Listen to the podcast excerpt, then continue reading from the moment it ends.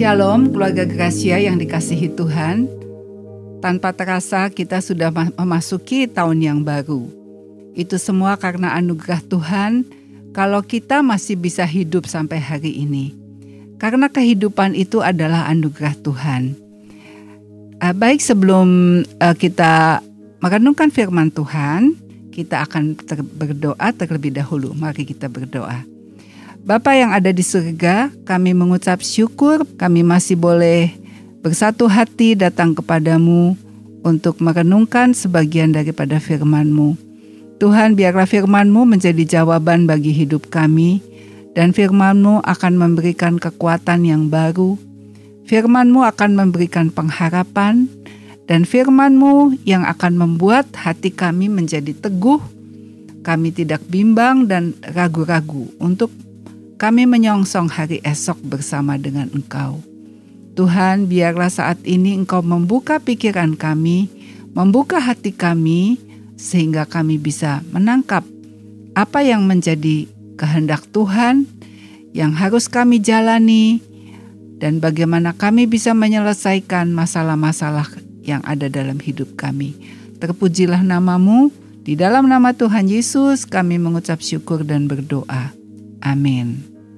Keluarga Gracia yang dikasihi Tuhan, kita mengucap syukur sampai hari ini kita masih ada di dalam dunia ini, kita masih bisa beraktivitas, kita masih bisa menemani keluarga kita, kita masih bisa melihat anak cucu, kami kita masih bisa melihat segala sesuatu yang ada di dalam dunia ini. Kita akan merenungkan satu perkara yang sering kali menjadi penghalang dalam kehidupan kita, di mana kita tidak bisa menikmati hidup yang Tuhan karuniakan pada hari ini, yaitu hal kekhawatiran. Seperti yang tertulis di dalam Matius 6 ayat 25 sampai 34. Kita semua pasti pernah dan mungkin sering mengalami kekhawatiran di dalam kehidupan kita Padahal kekhawatiran itu justru membuat hidup kita menjadi bermasalah. Sebenarnya kalau kita tidak khawatir, maka masalah yang ada dalam hidup kita itu bisa terselesaikan. Tapi karena khawatir, jadi justru masalah kita bertambah berat. Karena itu, mari kita kembali melihat kepada apa yang dikatakan oleh firman Tuhan mengenai kekhawatiran. Matius 6 ayat 25 sampai 34. Karena itu aku berkata kepadamu, janganlah kamu khawatir akan hidupmu, akan apa yang hendak kamu makan atau minum, dan janganlah khawatir pula akan tubuhmu, akan apa yang hendak kamu pakai. Bukankah hidup itu lebih penting daripada makanan, dan tubuh itu lebih penting daripada pakaian? Pandanglah burung-burung di langit yang tidak menabur dan tidak menuai, dan tidak mengumpulkan bekal dalam lumbung, namun diberi makan oleh Bapamu yang di sorga. Bukankah kamu jauh melebihi burung-burung itu? Siapakah di antara kamu yang karena kekhawatirannya dapat menambahkan sehasta saja pada jalan hidupnya? Dan mengapa kamu khawatir akan pakaian? Perhatikanlah bunga bakung di ladang yang tumbuh tanpa bekerja dan tanpa memintal. Namun aku berkata kepadamu, Salomo dalam segala kemegahannya pun tidak berpakaian seindah salah satu dari bunga itu. Jadi jika demikian Allah mendandani rumput di ladang yang hari ini ada dan besok dibuang ke dalam api. Tidakkah ia akan terlebih lagi mendandani kamu, hai orang yang kurang percaya? Sebab itu janganlah kamu khawatir dan berkata, apakah yang akan kami makan? Apakah yang akan kami minum? Apakah yang, yang akan kami pakai? Semua itu dicari bangsa-bangsa yang tidak mengenal Allah. Akan tetapi Bapamu yang di sorga tahu bahwa kamu memerlukan semuanya itu. Tetapi carilah dahulu kerajaan Allah dan kebenarannya, maka semuanya itu akan ditambahkan kepadamu. Sebab itu, janganlah kamu khawatir akan hari esok, karena hari besok mempunyai kesusahannya sendiri. Kesusahan sehari cukuplah untuk sehari. Ya, keluarga Gracia yang dikasihi Tuhan, kalau kita menjalani kehidupan ini, sering kali kita menjalani hidup itu sebagai orang yang seperti orang yang belum mengenal Tuhan, belum percaya kepada Tuhan. Kalau kita ada di dalam suasana ibadah, kita bisa menghayati bahwa kita ini adalah orang yang percaya kepada Tuhan. Tetapi begitu kita masuk di dalam kehidupan sehari-hari, langsung hidup kita itu seperti berubah.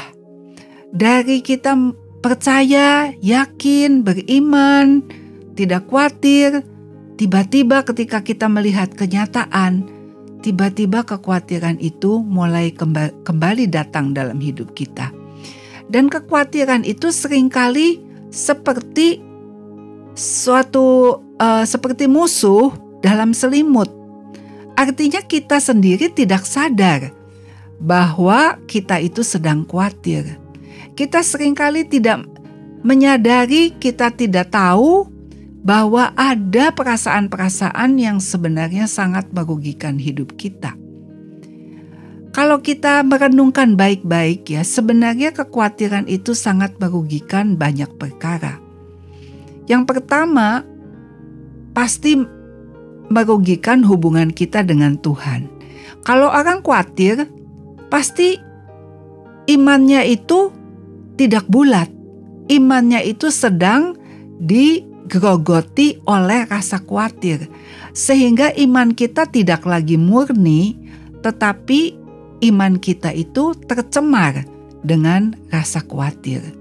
Ya, seperti kalau kita eh, di depan kita ada segelas susu yang murni dan tiba-tiba ada eh, ada bubuk kopi misalnya atau bubuk coklat yang masuk ke dalam susu itu maka susu yang tadinya putih tiba-tiba menjadi putih kotor, menjadi putih yang tidak lagi putih yang sesungguhnya. Ya, seperti itulah iman kita. Kalau iman kita kepada Tuhan Yesus, iman kita kepada janji-janji yang tertulis dalam firman Tuhan, yang berkata supaya kita jangan takut, jangan khawatir, Tuhan pasti pelihara, Tuhan pasti menyertai. Tiba-tiba kita melihat kenyataan. Kita melihat kenyataan bahwa uang di dompet kita tinggal sedikit. Atau kita melihat bahwa kebutuhan kita banyak sekali. Ternyata kalau dibikin daftar kebutuhan kita itu panjang sekali daftarnya. Kemudian kita iman kita yang tadinya kita percaya akan janji Tuhan tiba-tiba kita mulai ragu-ragu betul nggak ya? Betul nggak bahwa nanti pasti ada gitu pada waktunya. Nah iman yang seperti itu sering kali disebut iman yang tidak murni. Sedangkan iman yang bisa menjadi kenyataan, apa yang kita percaya itu bisa menjadi kenyataan adalah kalau iman kita itu iman yang murni. Artinya tidak tercampur oleh kekhawatiran, oleh ketakutan, oleh kecemasan, dan oleh berbagai-bagai perasaan negatif dalam hidup kita. Nah, pada siang hari ini kita akan melihat apa yang Tuhan katakan tentang khawatir. Tadi kita sudah membaca Yesus sendiri berkata, ya bagian yang kita baca ini adalah bagian daripada khotbah Tuhan Yesus di bukit. Tuhan Yesus berkata, "Janganlah kamu khawatir akan hidupmu, akan apa yang hendak kamu makan atau minum, dan janganlah khawatir pula akan tubuhmu, akan apa yang hendak kamu pakai." Ya, jadi kalau dikatakan janganlah khawatir, berarti kekhawatiran itu bisa mencemarkan iman kita. Sedangkan janji-janji Tuhan akan kita terima kalau kita itu mempunyai iman yang murni. Jadi kita tahu ya bahwa perasaan khawatir, cemas, takut itu semua adalah polusi. Adalah seperti kotoran yang bisa membuat iman kita tidak murni. Dan itu sangat merugikan. Karena kalau iman kita tidak murni, artinya iman kita disertai dengan kekhawatiran, disertai dengan ketakutan, disertai dengan kecemasan, maka janji Tuhan tidak dapat terjadi dalam hidup kita. Karena iman itu sebenarnya seperti sebuah pipa, sebuah saluran yang menghubungkan kita dengan Tuhan, di mana Tuhan bisa menyalurkan berkat-berkatnya kepada kita ketika kita punya saluran. Tetapi kalau iman kita yang menjadi saluran itu tercemar, ya, atau saluran itu retak atau bocor atau patah, maka berkat Tuhan itu tidak bisa sampai ke dalam hidup kita. Itulah sebabnya Tuhan berkata, "Janganlah kamu khawatir akan hidupmu." Jadi khawatir itu adalah perasaan negatif ya. Jadi perasaan negatif itu adalah musuh sebenarnya dalam hidup kita. Kita harus menyadari bahwa kekhawatiran itu adalah sesuatu yang harus kita bereskan. Jangan dibiarkan bercokol dalam kehidupan kita. Karena sangat merugikan dan membuat kita tidak bisa menikmati janji-janji Tuhan. Ya. Nah, ketika kita kita harus belajar ketika kita khawatir apa sebenarnya yang harus kita lakukan untuk mengatasi kekhawatiran itu supaya kekhawatiran itu jangan terus-menerus tinggal di dalam hidup kita. Di dalam Filipi 4 ayat 6 firman Tuhan berkata, Filipi 4 ayat 6. Janganlah hendaknya kamu khawatir tentang apa pun juga, tetapi nyatakanlah dalam segala hal keinginanmu kepada Allah dalam doa dan permohonan dengan ucapan syukur. Ya. Jadi di sini dikatakan firman Tuhan ini Rasul Paulus berkata, kalau kita khawatir, kita harus menyampaikan apa sih yang menjadi keinginan kita gitu. Misalnya kita khawatir nanti bagaimana ya kalau eh, tahun depan atau bulan depan saya belum bisa bayar uang sekolah anak saya. Jadi sebenarnya dalam hati saya kan saya rindu, saya ingin bisa membayar uang sekolah anak saya. Nah, keinginan itulah yang Rasul Paulus katakan supaya disampaikan, dinyatakan kepada Allah di dalam doa dan permohonan dan ucapan syukur. Ya, jadi apa yang kita rindukan, apa yang kita khawatirkan karena kita merasa wah saya kayaknya nggak bisa bayar nih uang sekolah anak saya. Itu kan yang kita khawatirkan. Jadi kerinduan kita apa? Kerinduan saya adalah saya nanti bisa bayar uang sekolah anak saya. Nah, kerinduan itulah yang harus kita sampaikan kepada Tuhan di dalam doa dan permohonan dan ucapan syukur. Jadi, kekhawatiran itu jangan dipendam di hati, karena ketika dipendam di hati, maka iman kita akan menjadi kotor. Iman kita menjadi tidak murni, menjadi tercemar dan iman yang tercemar membuat kita tidak bisa menikmati janji-janji Tuhan. Jadi, itu sangat merugikan sekali di dalam kehidupan perjalanan hidup kita. Nah, ini harus kita sadari. Jadi, kalau kita ada kekhawatiran, Firman Tuhan berkata, "Apa yang kita inginkan itu diceritakan, disampaikan." dinyatakan kepada Allah di dalam doa. Jadi doa itu adalah hubungan kita dengan Tuhan. Ya, jadi kalau ada kekhawatiran, kita mesti datang kepada Tuhan. Kita bisa datang kepada Tuhan dengan pujian, dengan kata dengan firman, ya. Dengan mengatakan Tuhan, aku percaya Engkau baik.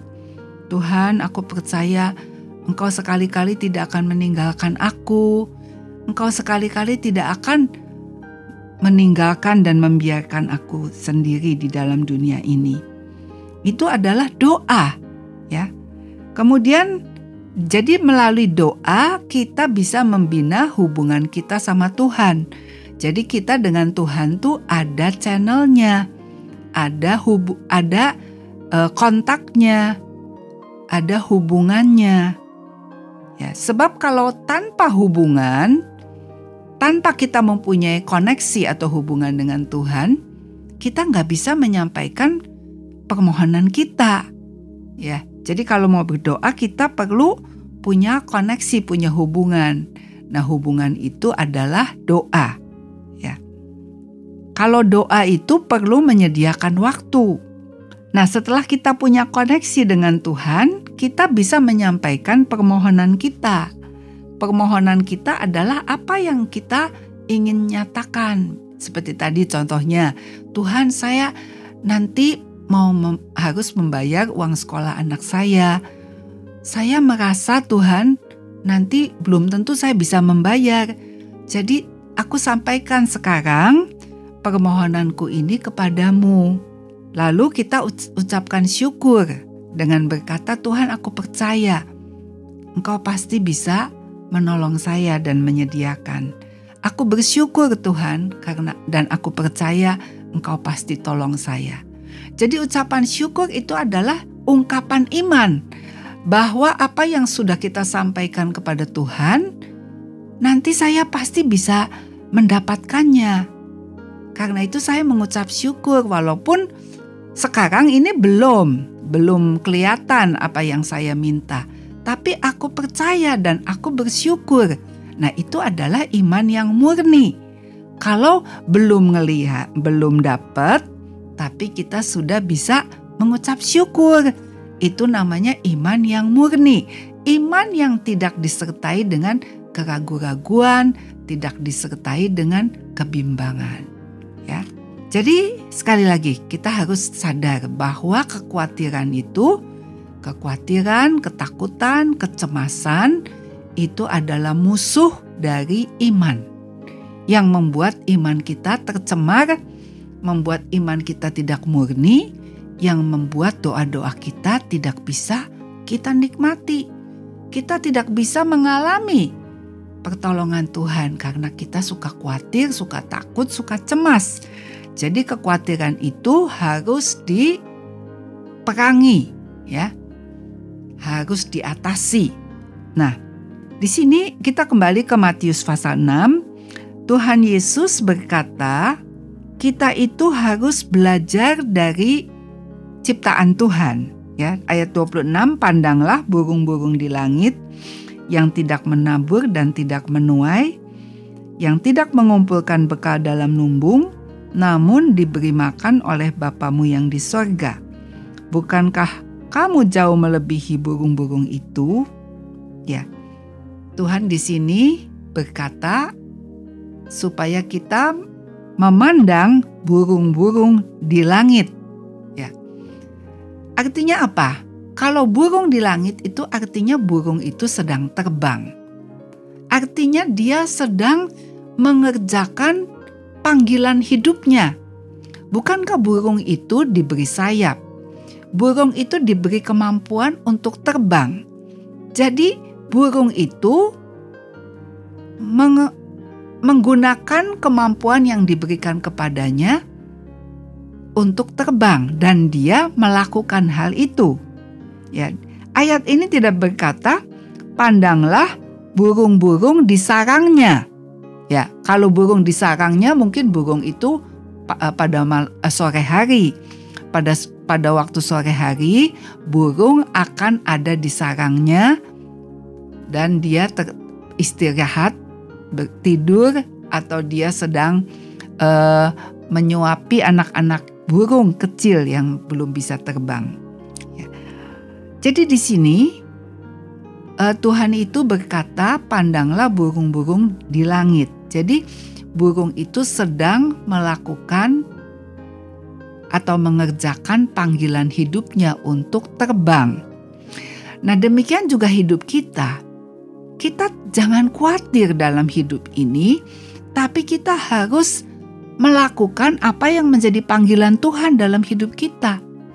Ya, kalau kita uh, mempunyai panggilan sebagai uh, pedagang, kita berjualan, kita melakukan tugas kita kalau kita sebagai guru misalnya, kita melakukan tugas kita sebagai guru. Sebab kalau kita melakukan panggilan hidup kita, maka berkat Tuhan akan turun dalam hidup kita. Dan berkat Tuhan itu tidak dibatasi oleh seberapa salary kita yang kita terima setiap bulan. Tetapi Tuhan berjanji bahwa berkatnya akan mencukupkan apa yang kita perlukan, apa yang kita butuhkan. Di dalam ayat 27 berkata siapakah di antara kamu yang karena kekhawatirannya dapat menambahkan sehasta saja pada jalan hidupnya. Sehasta itu adalah ukuran yang uh, tidak panjang ya. Sehasta itu adalah 45 cm. Jadi di sini dikatakan kalau kita tuh khawatir itu tidak akan membuat kita tuh lebih baik gitu. Tidak membuat kita maju. Tidak membuat kita bisa melangkah lebih jauh. Jadi kekhawatiran itu sangat menghambat kehidupan kita. Lalu ayat 28 dikatakan dan mengapakah kamu khawatir akan pakaian? Perhatikanlah bunga-bunga di ladang yang tumbuh tanpa bekerja dan tanpa memintal. Di sini uh, Tuhan bilang supaya kita lihat bunga bunga itu kan kalau diperhatikan begitu indah. Karena apa? Karena Tuhan mendandani bunga-bunga itu. Jadi seperti burung itu dipelihara dan eh, bunga-bunga itu didandani atau dihiasi, demikian juga hidup kita sebagai orang percaya akan dipelihara dan didandani oleh Tuhan. Karena itu kita tidak usah khawatir ya. Tapi bukan berarti kita tidak bekerja. Karena tadi kan dikatakan burung-burung itu di langit. Pandanglah burung-burung di langit. Tidak dikatakan pandanglah burung-burung yang ada di sarang yang sedang duduk-duduk saja. Tetapi pandanglah burung yang di langit. Burung yang di langit adalah burung yang sedang mengerjakan panggilan hidupnya. Karena itu kita juga sebagai orang percaya, sebagai, eh, sebagai manusia ciptaan Tuhan, kita harus melakukan panggilan hidup kita. Kita harus tahu tugas saya apa sih di dunia ini. Ya selain kita punya tugas dalam keluarga, kita juga punya tugas di dalam profesi kita masing-masing. Ya, jangan merasakan kalau profesi kita sederhana, lalu kita merasa rendah diri, tetapi apa pun yang Tuhan percayakan dalam hidup kita, kita lakukan dengan setia. Kita mau belajar saat ini ada dua ayat yang menarik perhatian saya, yaitu di dalam ayat 33 dan 34. Tetapi carilah dahulu kerajaan Allah dan kebenarannya, maka semuanya itu akan ditambahkan kepadamu. Dalam ayat ini uh, ada sebuah pengertian yang saya tangkap, yaitu bahwa kita di dalam menjalani kehidupan di dunia ini, kita itu perlu fokus sama Tuhan. Ayat 33 dikatakan carilah dahulu kerajaan Allah artinya kita mendahulukan Tuhan, kita fokus dengan Tuhan dalam hidup ini bukan fokus kepada yang lain, ya. Itu yang membuat hidup kita jadi tidak khawatir. Itu yang membuat hidup kita penuh dengan kemenangan dalam menghadapi apa pun. Kalau kita fokus dengan Tuhan, maka kita akan mengalami kemenangan. Karena Tuhan berjanji bahwa Dia akan memberitahukan langkah-langkah yang harus kita jalani di dalam dunia ini. Kalau kita mencari Tuhan, artinya kita tuh percaya bahwa Tuhan tuh yang paling penting dalam hidup kita. Kita menyadari bahwa Tuhan itu nomor satu dalam kehidupan kita, dan bukan fokus kepada apa yang saya ingini. Ya, sering kali kehidupan kita tidak bisa mengalami kemenangan. Hidup kita itu selalu takut, khawatir, dan kalah terus, dan kita tidak bisa melihat bahwa Tuhan itu ajaib karena kita fokusnya bukan sama Tuhan. Karena fokus kita kepada apa yang saya mau. Fokus kita kepada apa yang saya suka. Nah, justru itulah yang menyebabkan kita tidak bisa melihat kuasa Tuhan bekerja dalam hidup kita. Kita tidak bisa melihat janji-janji Tuhan, pemeliharaan Tuhan, kebaikan Tuhan, kasih Tuhan, kita nikmati karena kita fokusnya sama apa yang saya mau, apa yang saya suka, apa yang saya ingini, apa yang saya anggap paling penting. Karena itu, di sini Tuhan ingin supaya kita tuh belajar fokus kepada Tuhan. Dan di dalam ayat 34 dikatakan supaya kita tidak khawatir akan hari besok, karena hari besok punya kesusahannya sendiri kesusahan sehari cukuplah untuk sehari. Jadi Tuhan yang ayat 34 dikatakan kita harus fokus kepada hari ini. Ya. Jadi rahasia daripada kemenangan kita hidup tidak khawatir adalah yang pertama fokus kepada Tuhan, yang kedua fokus kepada hari ini. Oke. Fokus kepada Tuhan dengan cara bagaimana? dengan kita mencari dahulu kerajaan Allah dan kebenarannya. Ya. Artinya dalam hidup kita kalau kita bangun pagi, kita harus terlebih dahulu berdoa menyerahkan hari ini kepada tangan Tuhan. Hari ini saya butuhnya apa? Itu kita doakan di pagi hari. Ya. Kalau kita sudah berdoa belajar untuk tidak khawatir lagi karena kita sudah menceritakan apa yang menjadi keperluan kita kepada Tuhan. Di sini Tuhan berjanji kalau kita mencari dahulu kerajaan Allah dan kebenarannya, maka semuanya itu artinya apa yang kita perlukan yaitu makanan, minuman, pakaian, dan juga tentunya tempat tinggal itu akan ditambahkan. Kalau ditambahkan tuh namanya bonus. Tapi yang utamanya adalah kita dapat Tuhan. Ya. Kalau kita dapat Tuhan, kita dapat bonusnya. Bonusnya adalah pakaian, uh, makanan, minuman, pakaian dan tempat tinggal. Itu adalah kebutuhan primer dalam kehidupan kita. Utamakan Tuhan, fokus sama Tuhan, jangan fokus sama manusia. Kalau kita fokus sama manusia, kita berpikir siapa ya yang saya bisa mintain tolong, siapa ya yang bisa nolong saya. Fokus terutama berdoa dulu. Nanti ketika kita berdoa, Tuhan akan pimpin ya langkah-langkah kita. Sehingga kita tidak keliru.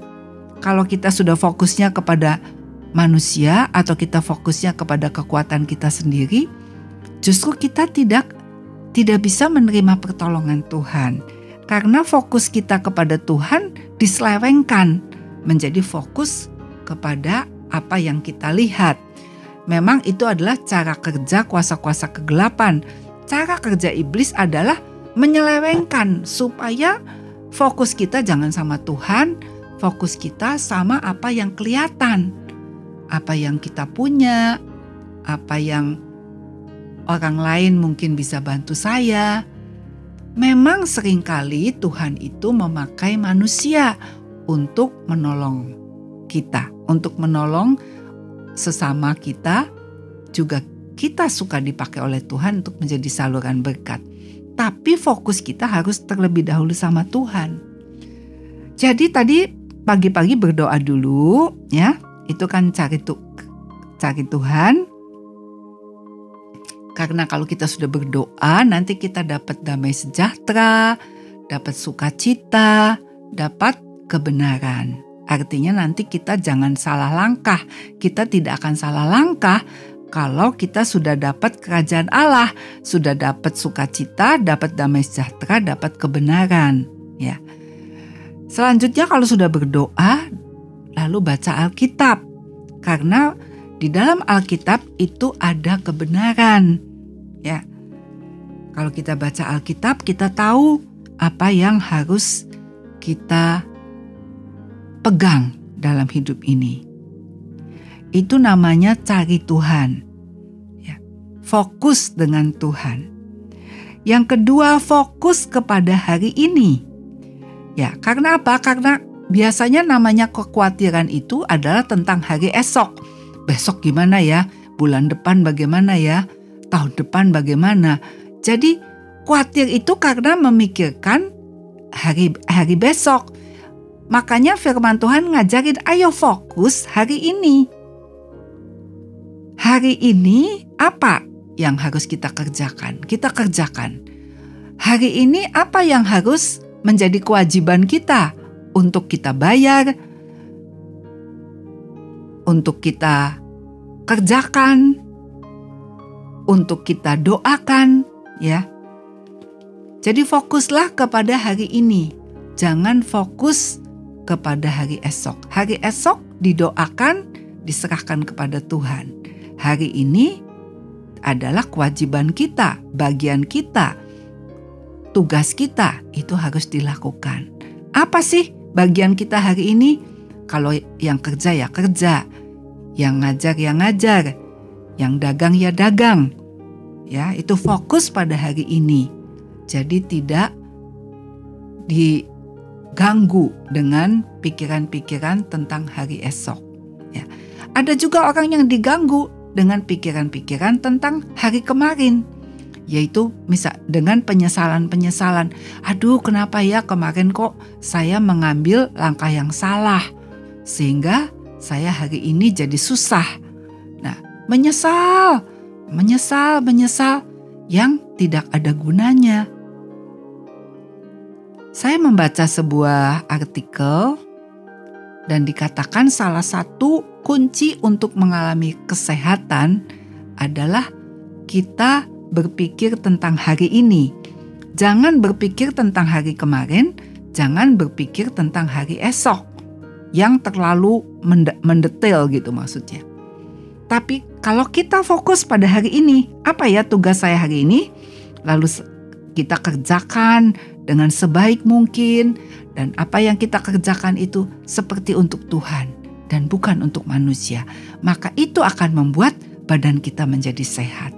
Kalau kita khawatir-khawatir tentang hari besok, kalau kita menyesal-menyesal tentang hari kemarin, itu justru membuat badan kita jadi sakit.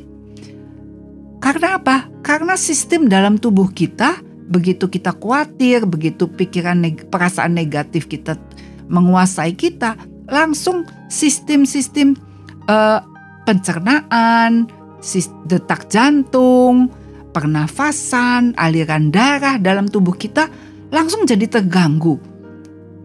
Langsung berubah sehingga keseimbangan-keseimbangan dalam tubuh kita ini terganggu dan membuat badan kita tidak sehat.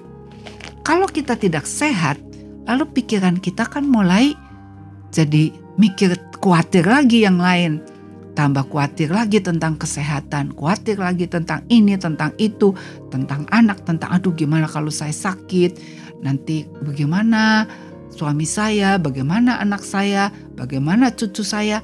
Jadi pikiran kita itu justru semakin tidak enak ya. Gangguan-gangguan seperti itulah yang iblis terus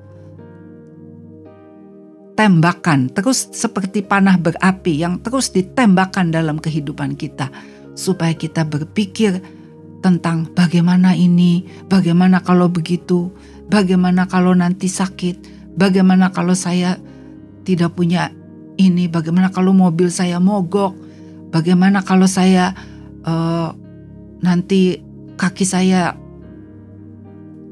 dengkul saya, lutut saya nanti sakit, ah dan sebagainya dan sebagainya.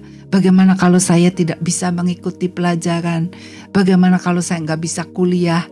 Itu bagaimana-bagaimana itu justru akan membuat badan kita jadi sakit. Karena itu keluarga Gracia, baiklah kita selalu kembali kepada firman Tuhan. Firman Tuhan itu harus direnungkan, ya. Direnungkan kalau seperti Tuhan katakan, lihat burung, lihat bunga di padang. Kita renungkan, kita renungkan. Dan itu akan mendatangkan iman. Ya, burung di udara saja dipelihara. Ya, tetapi kita nggak jangan berpikir, oh ya burung saja dipelihara kan, jadi ya sudah saya nggak usah khawatir, nggak usah kerja, nggak usah melakukan apa-apa. Bukan begitu, ya, bukan begitu maksudnya. Maksudnya lihat burung di langit, jadi burung itu mengerjakan tugasnya. Kita juga harus rajin mengerjakan apa yang menjadi tugas kita. Dan kita renungkan tentang bunga di padang yang diberi keindahan, maka kita juga pasti akan dicukupkan apa pun yang menjadi keperluan kita. Tuhan bisa pakai bermacam-macam cara.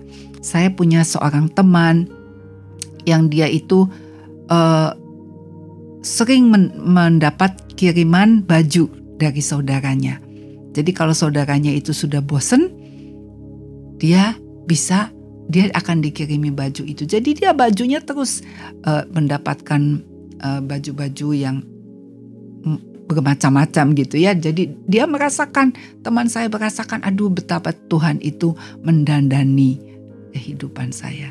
Jadi Tuhan bisa menolong hidup kita, bisa membuka uh, pintu berkat bagi kita dengan berbagai cara. Tapi tugas kita adalah kita berpegang kepada firman Tuhan dan jangan izinkan kekhawatiran-kekhawatiran itu terus dipikirin.